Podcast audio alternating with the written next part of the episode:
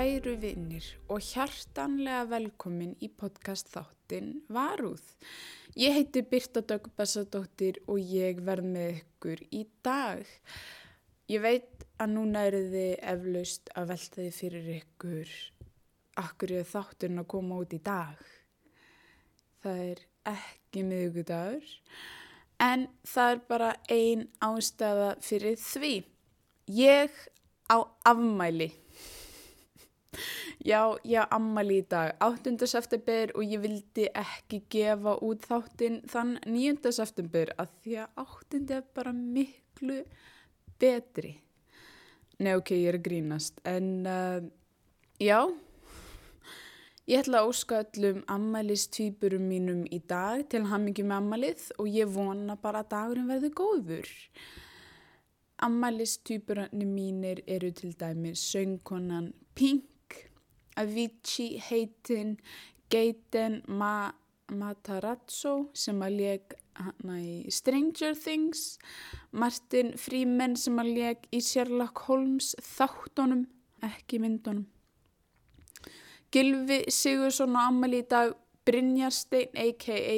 Binni Glíi á ammæli í dag og svo auðvitað hún Lilja Dögg mín til hamingju með ammælið við öll. Ég ætla að byrja á því að segja ykkur áhugaverða staðrind. Hvar lagið? Komið með lagið. Hanna! Walter Diemer, maðurinn sem að fann upp Tyggigummi, leikonan Ingrid Bergman og söngvarinn og skemmtikrafturinn Mike Douglas letust öll á ammælistægin sinn. Það er sorglegt, freka leðilegt en áhugavert. Svona er þetta. Ef að þetta er fyrsti þátturinn sem að þið eruð að hlusta á þá engar áhyggjur, ég er vanalega ekki svona upptekinn af sjálfur mér, miklu meira bara mínum eigin skoðunum en uh, ég er bara í ammælis fíling í dag þannig að þið verðið bara að uh, afsaka mig. En uh, mál dagsins kemur afmælum samt bara alls ekki neitt við. Ég held að við ættum bara að henda okkur beint í þetta. Varúð er ekki við hæfi barna. Í dag ætlum við langt að heiman. Til lands sem að mig hefur persónlega alltaf langað að heimsækja. Í dag erum við staðsett í Sanjó í Japan.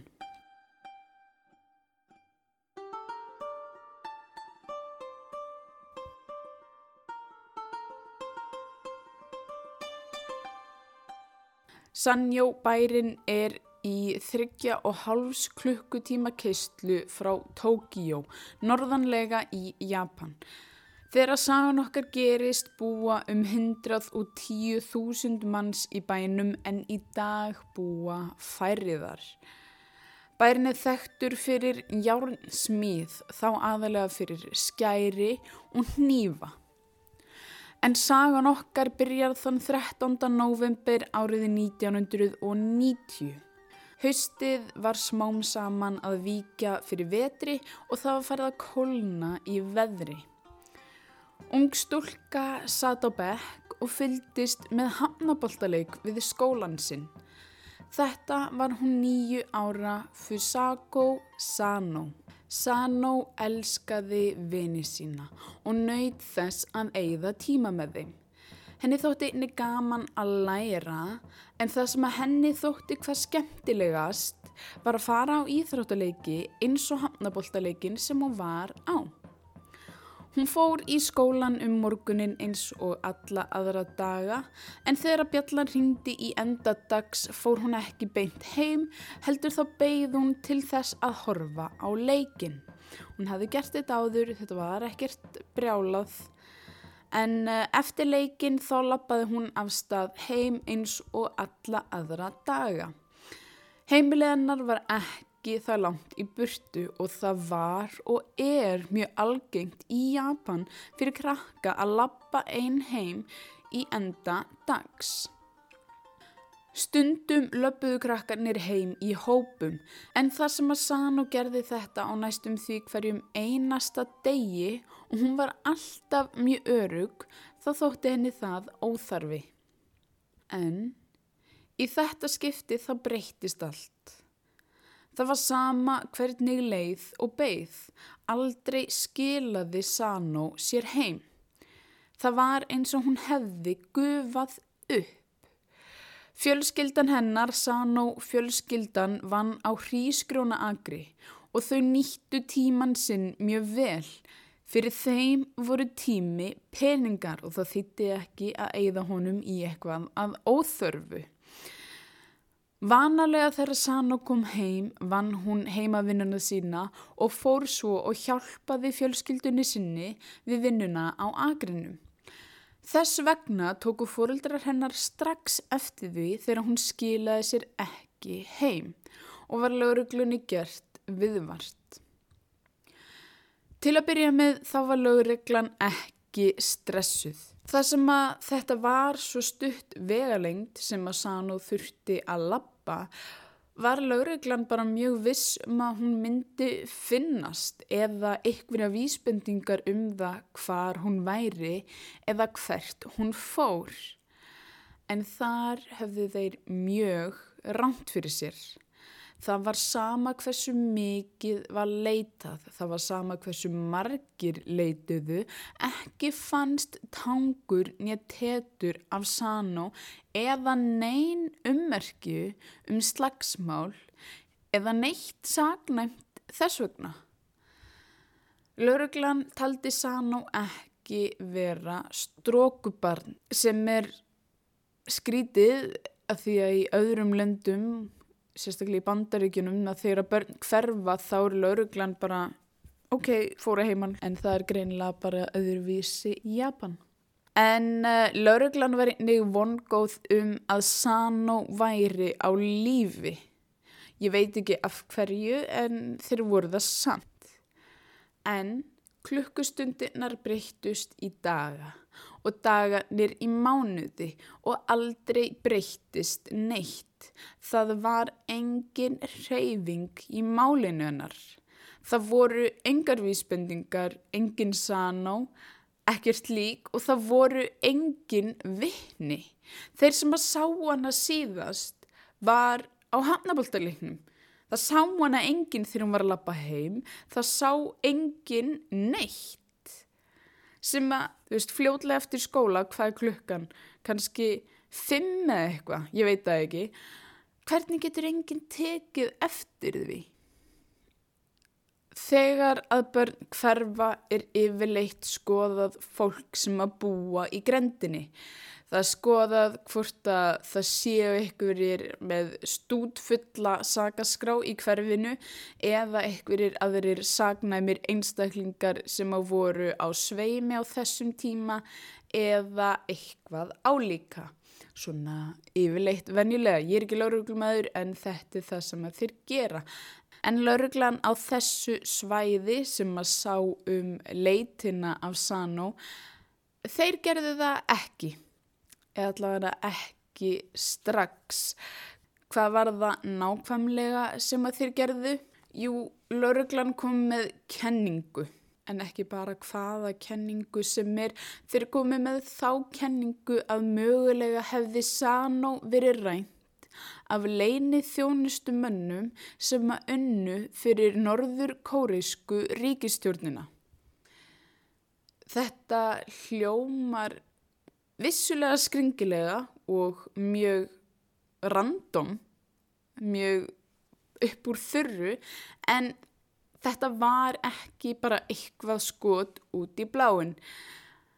Norður kóreiska ríkistjórnin viðurkennir að hafa rænt 13 japanskum ríkisborgurum frá árunum 1977 til 1983.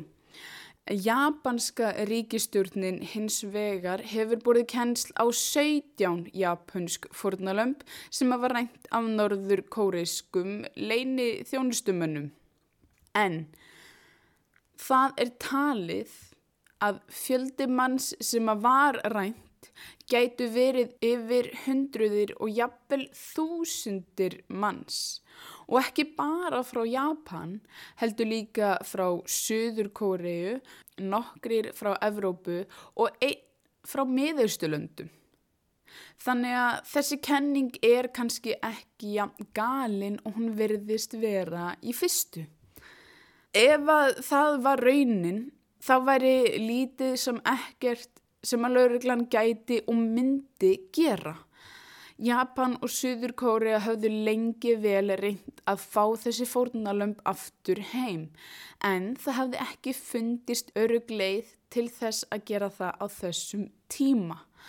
Sumar fjölskyldur hafa fengið myndir af fjölskyldumöðlumum sem hafa rænt til þess að sína að þau væru enn á lífi. En líkunar á að þau fái að hitta ástvinni sína aftur eru því miður litlar sem engar. Til þess að enda þetta tala um Norður Kóri og mannrán þá voru fimm einstaklingum leift að fara aftur til Japan með því skilirði að koma aftur til Norður Kóri segna þessir einstaklingar auðvita neituðu að fara aftur tilbaka og heldu áfram með sín líf í Japan.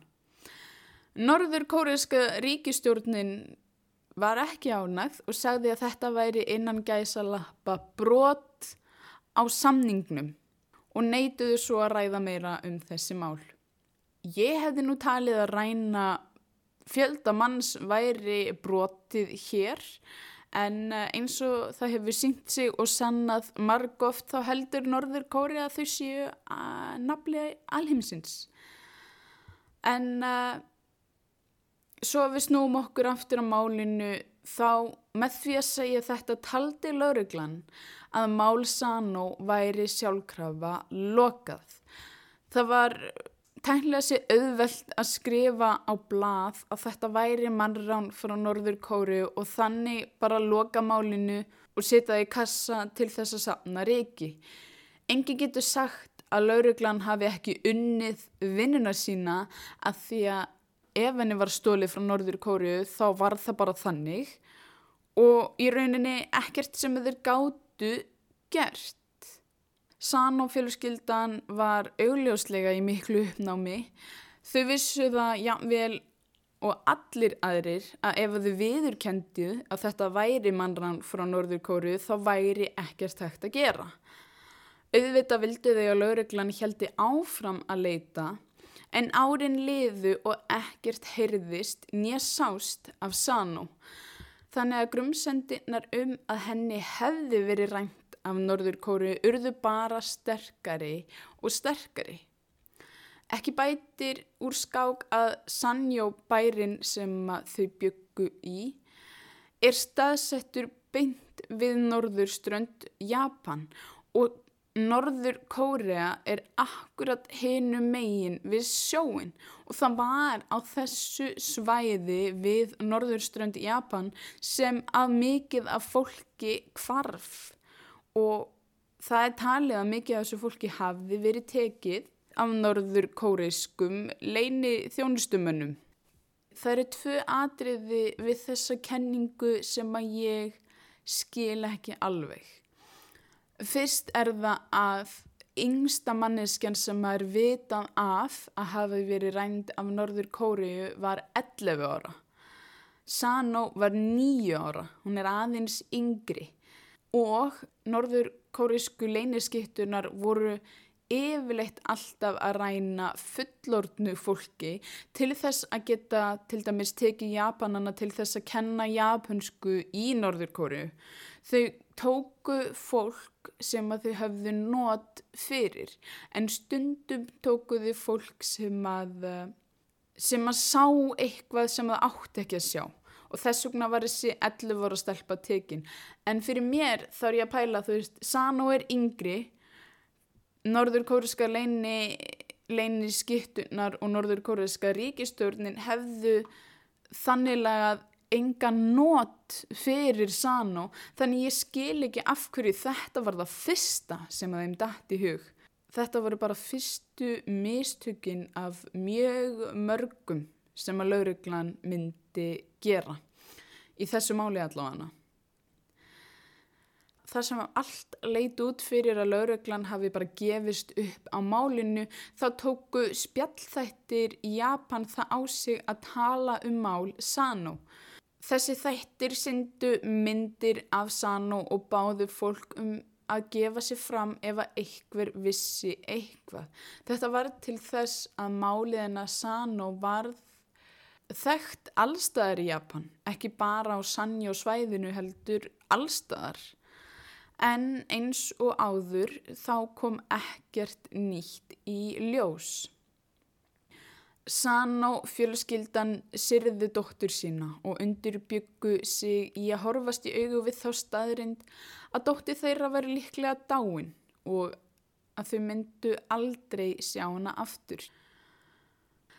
En þessum að lauruglan og Sano fjölskyldan og öll japanska þjóðin þess vegna vissi ekki var að Sano var miklu nær en nokkun grunaði.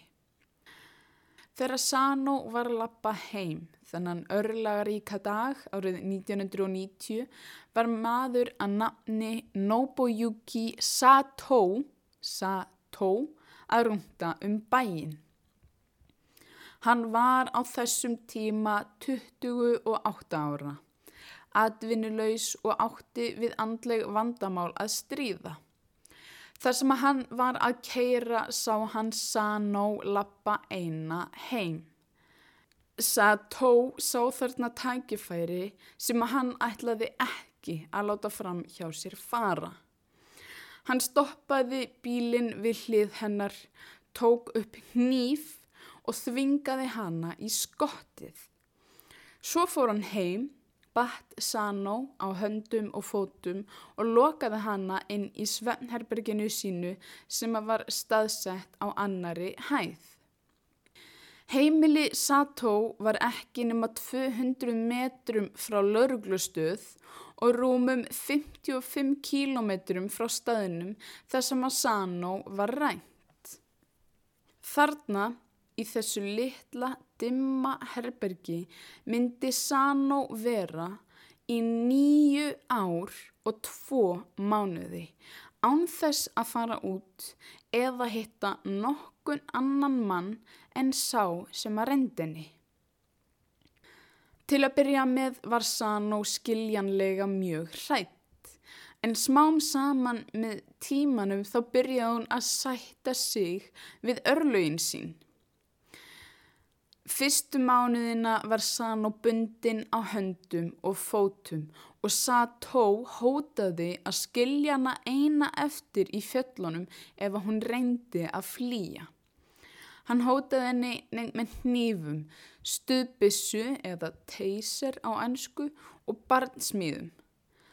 Ef hún hafði of hátt eða gerði ekki eitthvað sem að hann vildi þann notaði hann stuðbissuna óspart á hana eða helt hníf upp að hálsunum hennar til þess að hræða hana í að gera það sem að hann vildi.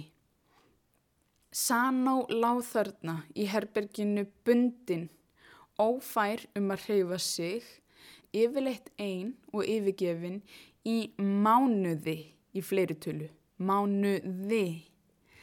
Sano reyndi upphaflega að flýja eða hún allavega hugsaði um að reyna að flýja en hún var einfandlega of hrætt til þess að gera það sem að er skiljanlegt, hún var bara barn, hún var nýju ára. Með tímanum varð hún of örmagna og orgu lítil til þess einu sinni að reyna að flýja. Sano mátti alls ekki undir neinum kringustæðum snerta herbyrgishurðina og til að bæta gráu ofan að svart það hafði Sato teipað lítinn kassa á gólfið sem að Sano þurfti að vera í og mátti ekki fara úr. Herbyrgið var nú þegar pínu lítið en Þetta var ennþá minna svæði sem að Sano hafði fyrir sjálfa sig. Þannig að þar satt Sano í daga og mánuði í senn með engan til þess að tala við nema sjálfa sig. Gluggarnir á herberginu voru mjög þykir og með svona filmu eins og á baðherbergjum þannig að enginn sá inn og Sano sá ekki út. Þetta er fyrir ykkar algengt í Japan þar sem að Japan er lítiland með mikinn mannsfjölda og hús eru oft mjög nálagt hvort öðru. Þetta kallast privacy window eða engalífsgluggi og gerði það ennþá erfiðara fyrir nokkun mann að vita að þarna inni væri gísl og það varð ennþá erfiðara fyrir Sano að fá sólarljós. Þar sem að það var ekki baðherbergi á efri hæðinni, það mátti sann og bara fara í sturtu eða bað einstaka sinnum. Kanski einu sinni á mánuði eða á nokkura mánuða fresti. Og það sem hún mátti ekki fara á baði til þess að baða sig og þrýfa sig, þá auðvita mátti hún ekki fara á klósettið nokkrum sinnum á dag. Hún þurfti því bara að sjá um það þar sem hún satt. Ég get ekki ímynda mér að þurfa að sitja í mínum eigin hægðum í guðma og vita hversu langan tíma og geta ekki farið í bað í mánuði í senn. Sato klifti líka háriðinnar um leið og það varð sítt og klætti hana í karlmannsfut til þess að uh, gera hana já, strákalegri eða karlmannslegri og felaða hver hún var. Sano mátti ekki snerta sjónvarpið eða bækunnar eða neitt annað þessugna inn í herberginu. Þannig hún stitti sér stundir með því annarkvört að sitja kjur eða lappa um herbergið og velta því fyrir sér hvort að þetta er því lífið hennar af eilifu. Á endanum fekk Sano það traust að snerta sjómarpið. Sató var nefnilega áhuga maður um kappriðar og hann létt Sano taka þar upp. En ef hún gerði það ekki nógu vel eða ef hún glemdi því þá var henni refsað með hróttalegum barnsmýðum. Þannig var eitthvað komið sem hún hefði geta gert til þess að stitta sér stundir en það var bara svo ótrúlega hvíðavaldandi að gera þetta að því að hún varð að gera þetta fullkomlega. Ef hún gerði þetta ekki fullkomlega þá var hún barinn í klassu af fullortnum manni og hún er barn. En eftir rúm átta ár í haldi, eftir að hafa verið þarna í átta ár, þá fekk Sano að hlusta á útvarpið einstakasinnum og ef hún var mjög þæg, þá fekk hún að horfa á sjónvarpið. Vá, eftir átta ár, átta ár í helviti og prísund þá fær hún að horfa á sjónvarpið. Sano fekk mat einu sinni til þrísasunnum á dag en það var mjög óreglulegt hvort og hvenar hún fengi að borða. Það eina sem hún gaf gert var að býða og vona. Maturinn sem hún fekk var almennt frekar ólistugur. Yfirleitt voru það tilbúinir réttir sem hún voru keiftir í búðum og sjóppum og settir í örbylgjómnin til þess að hita þá upp. En einstakar sinnum fekk hún það sem að leita út fyrir að vera heimagerður matur. Sano vissi ekki hver bjóð til hennan mat, hvort það væri Sato sem að eldaði hann eða kifti og setti á disk, en hún kvartaði ekki yfir því að fá stundum miklu betri mat. Sano vissi að hurðin á herbyrginu væri opinn en eins og ég sagði þá var hún of hrætt við að reyna að sleppa en svo varð hún bara of veikburða til þess að vilja gera nokkun skapaðan hlut. Ekki var Sano bara líkamlega fangilsuð heldur var alltaf sagt að sálinn hennar væri líka í hlekkjum. En uh, þó að mér langi ég sannleika sagt ekkert að gera það þá ætla ég aðeins að ræða um gerandan. Nobuyuki Sato, hann fættist árið 1963. Það er ekki vita mikið um barnæskuna hans en það er vitað að pappi hans lést árið 1989 þegar Sato var 27 ára. Eftir það þá fór allt niður og við. Sato byrjaði að fá reyðisköst þar sem að hann myndi brjóta glukka og húsgögn og hann átti það einni til að ráðast á mömmu sína í þessum reyðisköstum.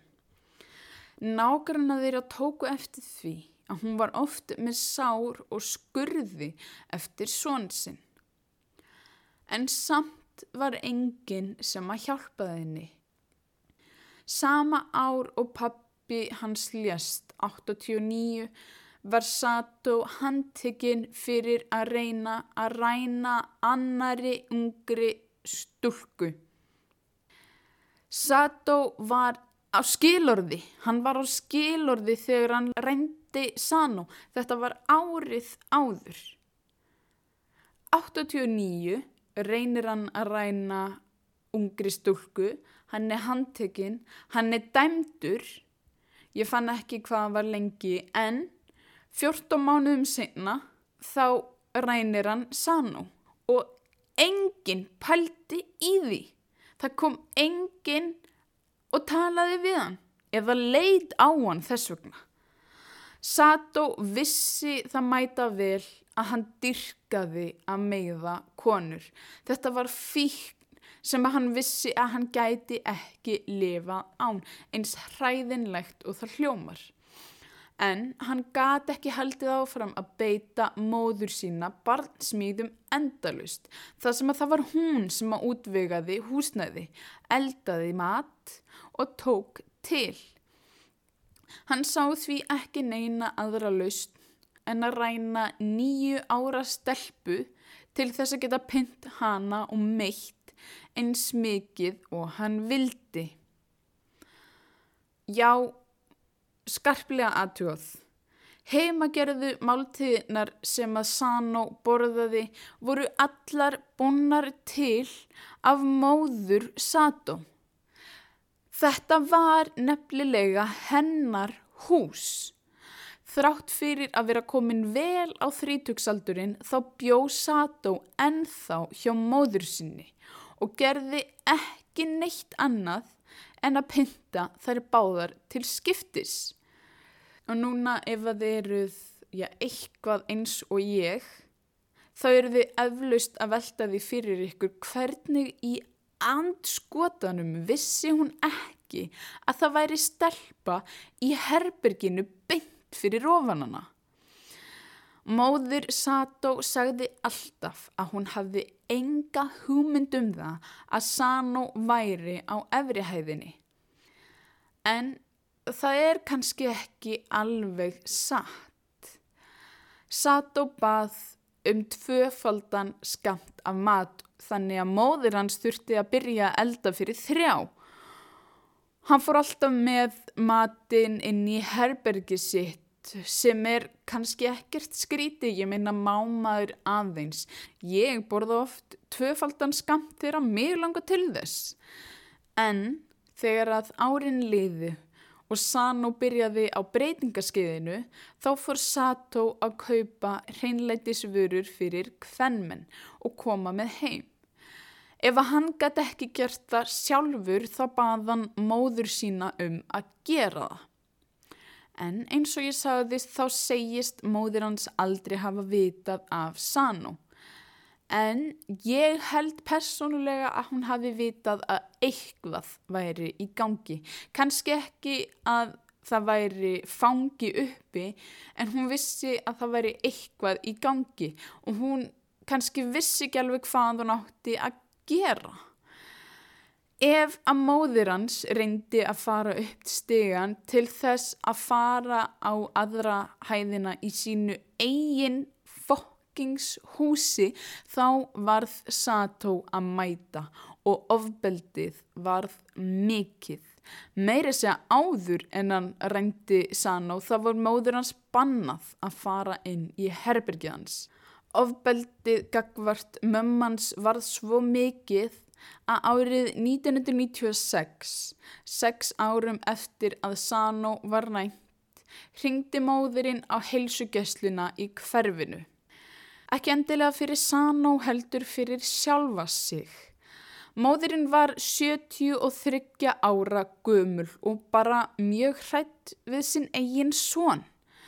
Hún sagði að hann væri að hegða sér skringilega og að hún væri hrætt um að hann myndi gera eitthvað hræðilegt.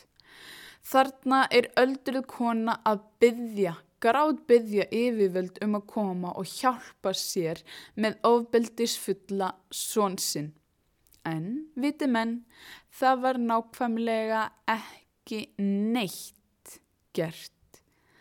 Það kom engin í heimsó og það var ekki einu svona ringt í hana aftur til þess að aðtuga hvort að það væri allt í lægi. Þetta var eitt símtál og ekkert meir. Það var ekki fyrir en fjórum árum senna, fjórum árum, þegar að móðir hans myndi loksin sanna upp hugrekkinu til þess að ringja aftur. Þá orðin 77 ára lúin á bæði líkama og sál. Hún vissi það mæta vel að ef hún myndi ekki ringja og tala við eitthvað þá gæti hún dáið og mögulega undir hendi síns eigins sonar.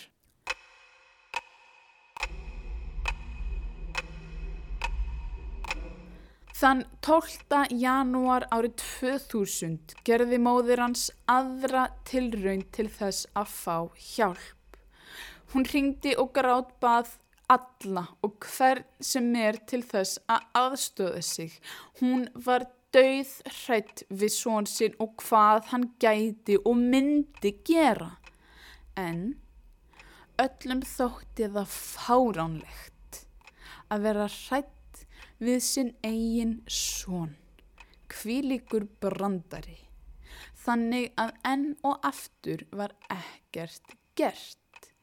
Þau sagði henni að hún ætti bara að ringja aftur eftir viku og þá mögulega getu þau aðstóðað. En þau fullvissuðu hana um að það væri allt í lægi, það væri ekkert að óttast. Viku senna, þann 19. janúar, ringdi hún aftur.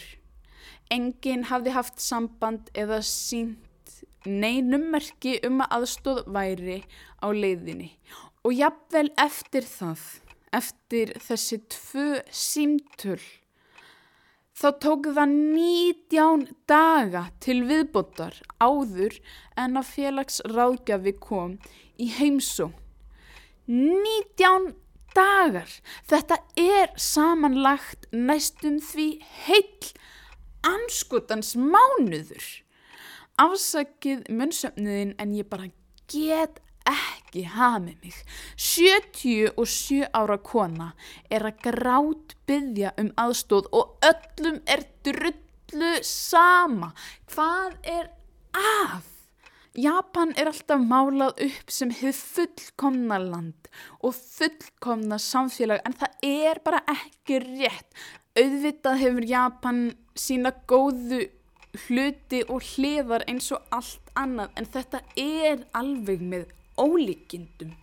Vonandi og ég vona heitt og innilega að þetta hafi breyst bara öruglega það getur ekki verið að það sé enþá svona og ef þetta er enþá svona þá guð minn góður. En þegar að félagsráðgjafanir drulluður sér loksins af stað og mætt á heimili Sato þó var hann í svo hræðinlegu ofsareiði kasti og stjórnlaus að þessi sömu félagsráðgjafar sem að sögðu að það væri ekkert að óttast og letu 77 ára konu býða í 26 daga þessi sömu félagsráðgjafar urðu svo döð hrættir við Sato að ráðgjafanir sjálfur ringdu á fokking laurugluna aaaah oh, hvað er bú ok, ok, ok. Róm okkur aðeins nýr róm okkur bara aðeins niður. Hlustendur góður, ekki vera æs ykkur svona upp, elsku hlustendur Nú, af hverju var Sato svona ótrúlega reyður þegar félags hálfvitanir komu? Það var vegna þess að móðir hans reyndi að fara inn í herbergið hans. Þegar að lauruglan mætti svo svæðið var Sato ennþá mjög brjálaður en sem betur fyrir það áttan bara ekki róð í þá. Laureglan þvingaði sér upp á efri hæðina og inn í herbergið hans á meðan að satt og barðist með kæfti og klóm til þess að reyna að koma í veg fyrir að þeir færu upp. Þegar laureglan kom inn í herbergið fundu þeir sanu. Nú, lauruglan reyndi að tala við Sato til þess að fá eitthverjar upplýsingar um það hvaða stelpa þetta var en hann var bara í allt of miklu uppnámi og allt of, já, brjálaður að það var ekki hægt að fá neinar upplýsingar út úr honum. Þannig að þau voru bæði sendt á sjúgrás. Hann til þess að fara í geðmat en hún til þess að fá bara andlega og líkamlega hjálp sem að hún hefði átt að fá miklu, miklu, miklu, miklu, miklu, miklu fyrr. Sano þjáðist af of þornun og örmögnun eða þreitu. Hún hafði lítinn sem engan kraft og var hræðinlega grönn. Hún gat varla lappað og var búin að þróa með sér gulu vegna sólskort. Húðin hennar varð bara gul. Hún var þarna orðin 19 ára gömul. Ég endur tek 19 ára gömul. Hún hafði eitt, já, löngum tíma heima hjá honum eins og hún hafði gert frjáls. En þó að Sano væri 19 ára þá let hún samt eins og nýju ára barn. Það er mjög skiljanlegt, hún eitti einu mikilvægustu árum lífsins einn og yfirgefin og hún fekk bara ekki að þroskast eins og aðrir krakkar. Það var á þessum tímapunkti sem að Sano fjölskyldan fekk símtal frá lauruglunni. Dóttir þeirra hafði verið fundin. Sano fjölskyldan helt að lauruglan væri að tala um lík dóttir þeirra var bara fegin að fá loksins að geta lagt dóttur sína til kvílu en þá sagði laurugla nei, nei, nei, nei, nei, nei, hún, hún er ennþá á lífi. Eftir nýju ár og tvo mánuði fekk Sano loksins að sjá mömmu sína aftur. En móðir Sano fekk áfall. Hún þekkti ekki sína eigin dóttur þegar hún sá hana. Þarna í sjúkrahúsrúminu satt næstum fullorðin einstaklingur en í minni móðurinnar var hún ennþá nýjára. Tíminn hefði stoppað þegar það kom að Sano. Þrátt fyrir það þá hljóp móðurinnar beint að dóttur sinni og tók utanum hana. Loksins, loksins, loksins voru þær saminaðar aftur á ný. Sano fekk loksins að fara aftur heim og lifa lífinu sem hún hefði átt að lifa síðustu nýju árin. Lauruglan gaf út nýja skýrslu. Fusako Sano var fundin. Þetta auðvitað var mjög mikið mál í Japan. Málið hefði fengið mikla umfjöllun og mikla aðtykli og núna var hún fundin. Hins vegar kom það ekki neinstæðir í ljós hver hefði verið handtekinn eða að einhver hefði verið handtekinn.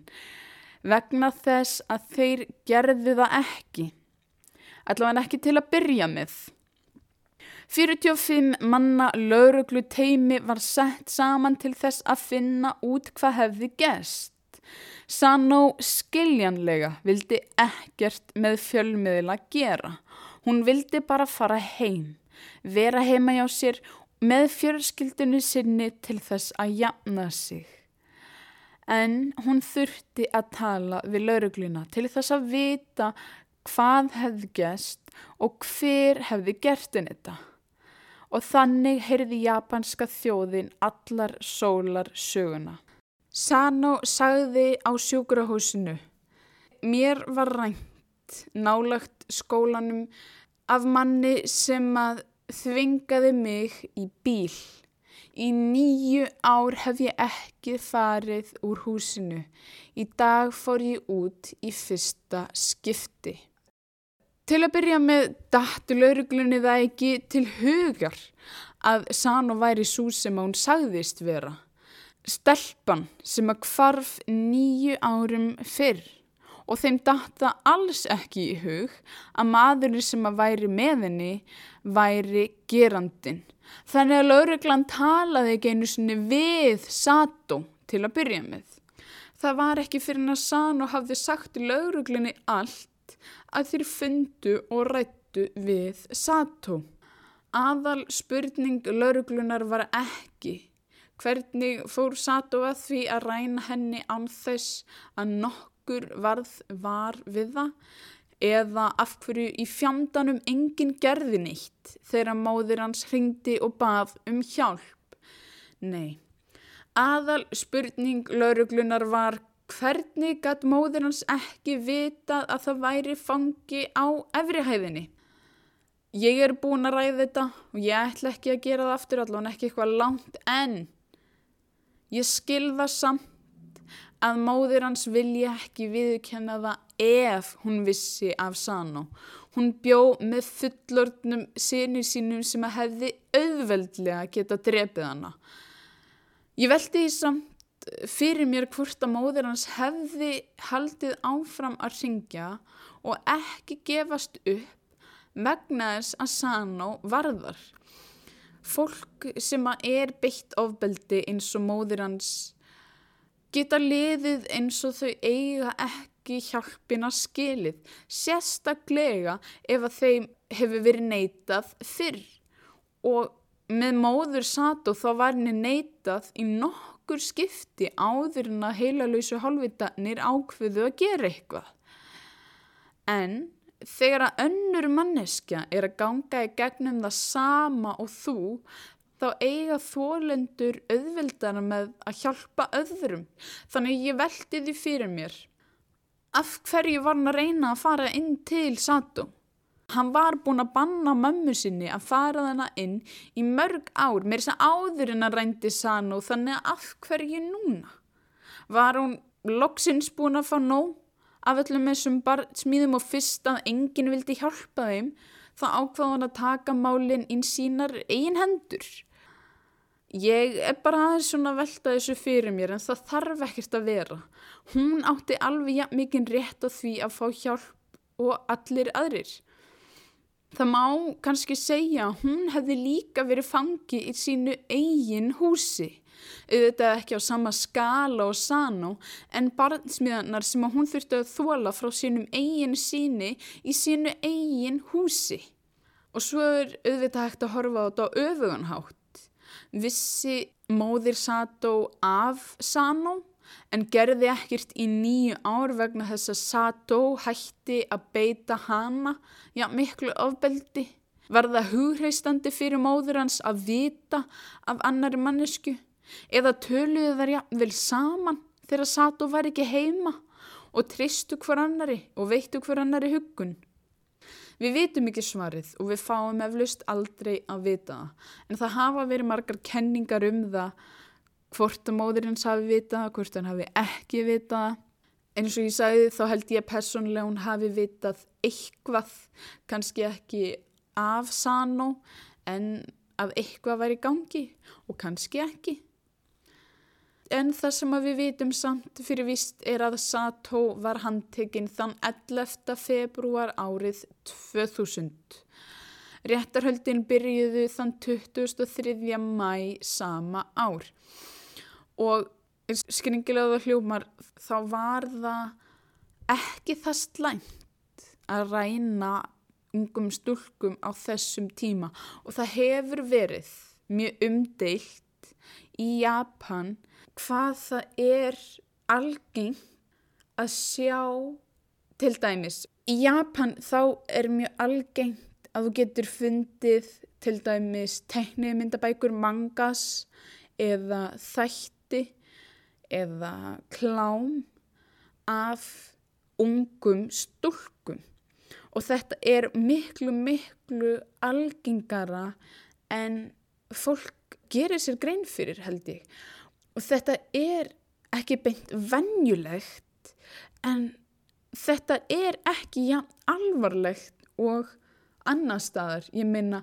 það eru fullordnir menn með dúkkur heima hjá sér af kannski 11 ára stelpu, þú veist full size dúkkur að horfa á teiknumyndaklám af ungum stúlkum að lesa teiknumyndabækur þar sem að ungar stúlkur eru í aðal hlutverki þannig að ræna ungri stúlku var ekki, það var ekki litið á það, já alvarlega, allavega ekki á þessum tíma, já alvarlega og kannski hefði verið gert annar staðar.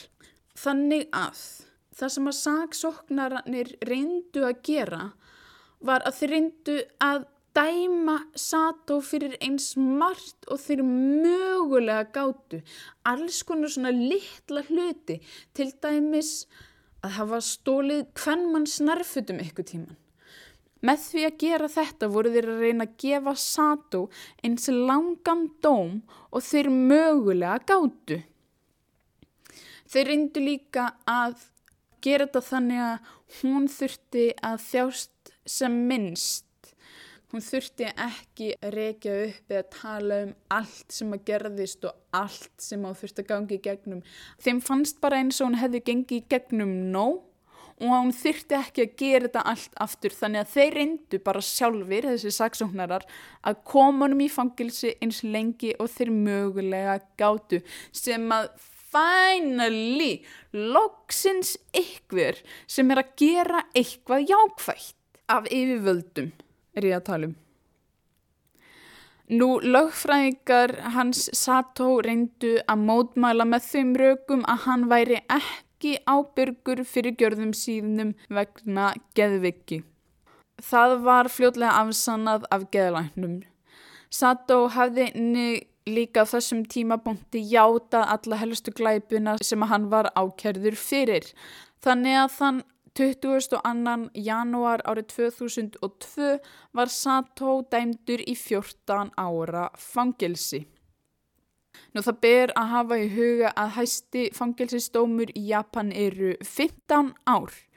Ég hefði viljað sjá hann fá 15 ár en ég fæ bara ekki allt sem að ég vil þó að ég eigi ammali. Hmm. Hér aðs domstollin í Tókjó tók við málinu hans Sato. Ég veit ekki nákvæmlega af hverju en ég veit að þeir lækkuðu dómin hans niður í 11 ár. Hins vegar sagði hæstirétturinn í Japan Neip, ekki séns, ekki að fara að gerast, ó nei, þið ætlið ekki að fokka upp meira fyrir mér og mínu landi. Þannig að þeir hækkuðu dómin aftur upp í 14 ár. Loksins ykkur sem er að gera eitthvað jákvægt. En það þeir þurftu að hækkan upp aftur finnst mér alveg ótrúlegt til að byrja með. Nú, lögreglan. Lögreglan var augljóslega mjög gaggrind fyrir mjög slög og léleg vinnubröð og munum nú að Sato hefði verið handtökin og dæmdur fyrir að reyna að ræna ungri stelpu árið áður. Það var farið yfir lista af glæpamönnum á svæðinu en viti menn Sato var hvergi á þeim lista. Hvernig getur nafnið bara farið af listanum ári senna? Hann var allavega ekki á þeim lista, við vitum ekki af hverju, bara umulegt, en það kom líka í ljós að lauruglu stjórin á Nigata svæðinu sem að átti að sjá um lauruglusveitina þegar Sano kvarf, hann mætti ekki á stöðina til þess að hafa umsjón með aðstæðum. Í staðin fyrir að mæta og vinna vinnuna sína og aðstöða við að finna nýju ára stelpu, þá var hann að spila Mahjong við eitthvað höfuð paur í lauruglunu. Mahjong er borðspil. Nýju ára stelpa föðrar upp og lauruglan er að para saman spilakuppa. Oh! Ég er núna búin að gefa út 22 þætti og ég hef aldrei, aldrei verið jæm ógeðslega pyrruð að rannsaka fyrir neinnannan þátt. Ég veit að ég segi þetta oft, ó þetta pyrra mér svo mikið, ó hvað ég er pyrruð, en ég er bara stöðugt að koma sjálfur mér á óvart með nýjum þáttum hvað ég get orðið ótrúlega pyrruð. En, veist, já, ok, við skulum aðeins aðeins róku niður hérna til þess að geta klárað hennar þátt núna. Til þess að enda þetta mál þá ætla ég að segja frá Sano eftir að hún slapp úr prísundinni. Þó að hún væri loksins komin í örugar hendur þá myndu áfullin sem að hún varð fyrir fylgja henni alla æfi. Hún þjáðist af áfalla streitu röskun og átti erfitt í félagslegum aðstæðum og félagslegri færni vegna þess að hún fjekk ekki sumu þjálfun og örfun eins og önnur börn gerðu. Þetta var til þess að hún var ekki með sama andlega þroska og jafnaldrar hennar. Hún átti frekar erfitt með að aðlagast venjulegu lífi. Henni gekk frekar illa í skóla en hún átti þó eitthverja vini. Hún átti ekki marga vini en nokkra góða vini og henni þótti líka gaman að fara í göngutúra einn. Sanró fyldist líka með fóbolta og fór að nokkra fóboltaleiki. Hún held áfram í íþróttaleikjunum sem ég hefði öruglega ekki gert persónulega. En uh, líkamlega heilsunar skánaði líka til munna og hún byrjaði aftur að vinna á hrískuruna akrinum með fóröldunum sínum. Hún fekk bílpróf betra seint en aldrei og hafði mjög gaman af stafræni ljósmyndun og þá aðalega að ljósmynda eða myndir af blómum. En því miður þá voru erfiðu dagarnir hennar ekki liðnir. Árið 2007 fór Sano með föður sínum að tjörn til þess bara að njóta og hafa gaman af. En Því miður þá druknaði pappinar í þeirri ferð og það fyrir framannana. Eins og hún hafði ekki þurft að þóla anskota nóg. Eins langt og ég veit þá er Sanó en þá á lífi en ástæðan fyrir því að ég tala um hana í þáttíði vegna þess að fjölskyldan hennar neytar að tala um Sanó ofinberlega og ég skilða líka bara mæta vel. Hún á skilið að fá smá engalíf, að fá bara frið frá fjölmiðlum og bara reyna að lifa sem eðlilegustu lífi. Og ég meina við erum mismunandi eins og við erum mörg og við breytumst og dömnum og kannski finnst henni bara ekkert gaman af ljósmyndun í dag. Ég bara vona heitt og innilega að með tímanum hafi Sano orðið betri og að hún lifi eins góðu lífi og hún mögulega getur í dag að því að hún áða svo sannarlega skilið.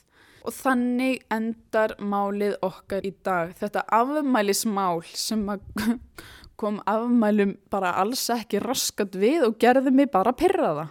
Ég vona þið hafi orðið pyrruð eins og ég af því að ef þið voruð ekki pyrruð þá er eitthvað að. En mér langar að segja eitt að því að ég, sko, ég veit að ég talaði um The Umbrella Academy í síðasta þætti en mér langar aðeins að tala um að aftur að því að ég fattaði ekki í alvurni, ég var að horfa á seríu 1 af Umbrella Academy í annað skipti þegar ég gerði mig grein fyrir því að sami leikarin og leikur Ed Kemper í Mindhunter er að leika í Umbrella Academy.